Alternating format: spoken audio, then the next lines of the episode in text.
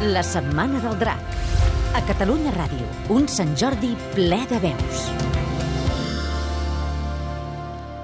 Hi havia una vegada un home que, per posseir més diners, es va vendre tot el que tenia, casa, mobles i terres.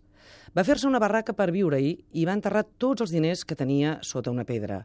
La primera cosa que feia aquell home tan bon punt es llevava era anar al lloc del tresor. El treia, se'l mirava ben embadalit i el tornava a enterrar. Després de molt de temps de fer el mateix, un pagès el va descobrir i, durant la nit, va robar-lo. A l'endemà, quan la barba veure el forat buit, es va estirar dels cabells i va començar a cridar com un desesperat. Un desconegut el va escoltar i li va dir «No et desesperis, home, que totes les coses d'aquest món tenen un remei. Fes-me cas, enterra uns quants rocs i imagina't que són el teu tresor. De totes maneres, utilitzes igualment els diners que les pedres La Setmana del Drac. Un Sant Jordi ple de veus.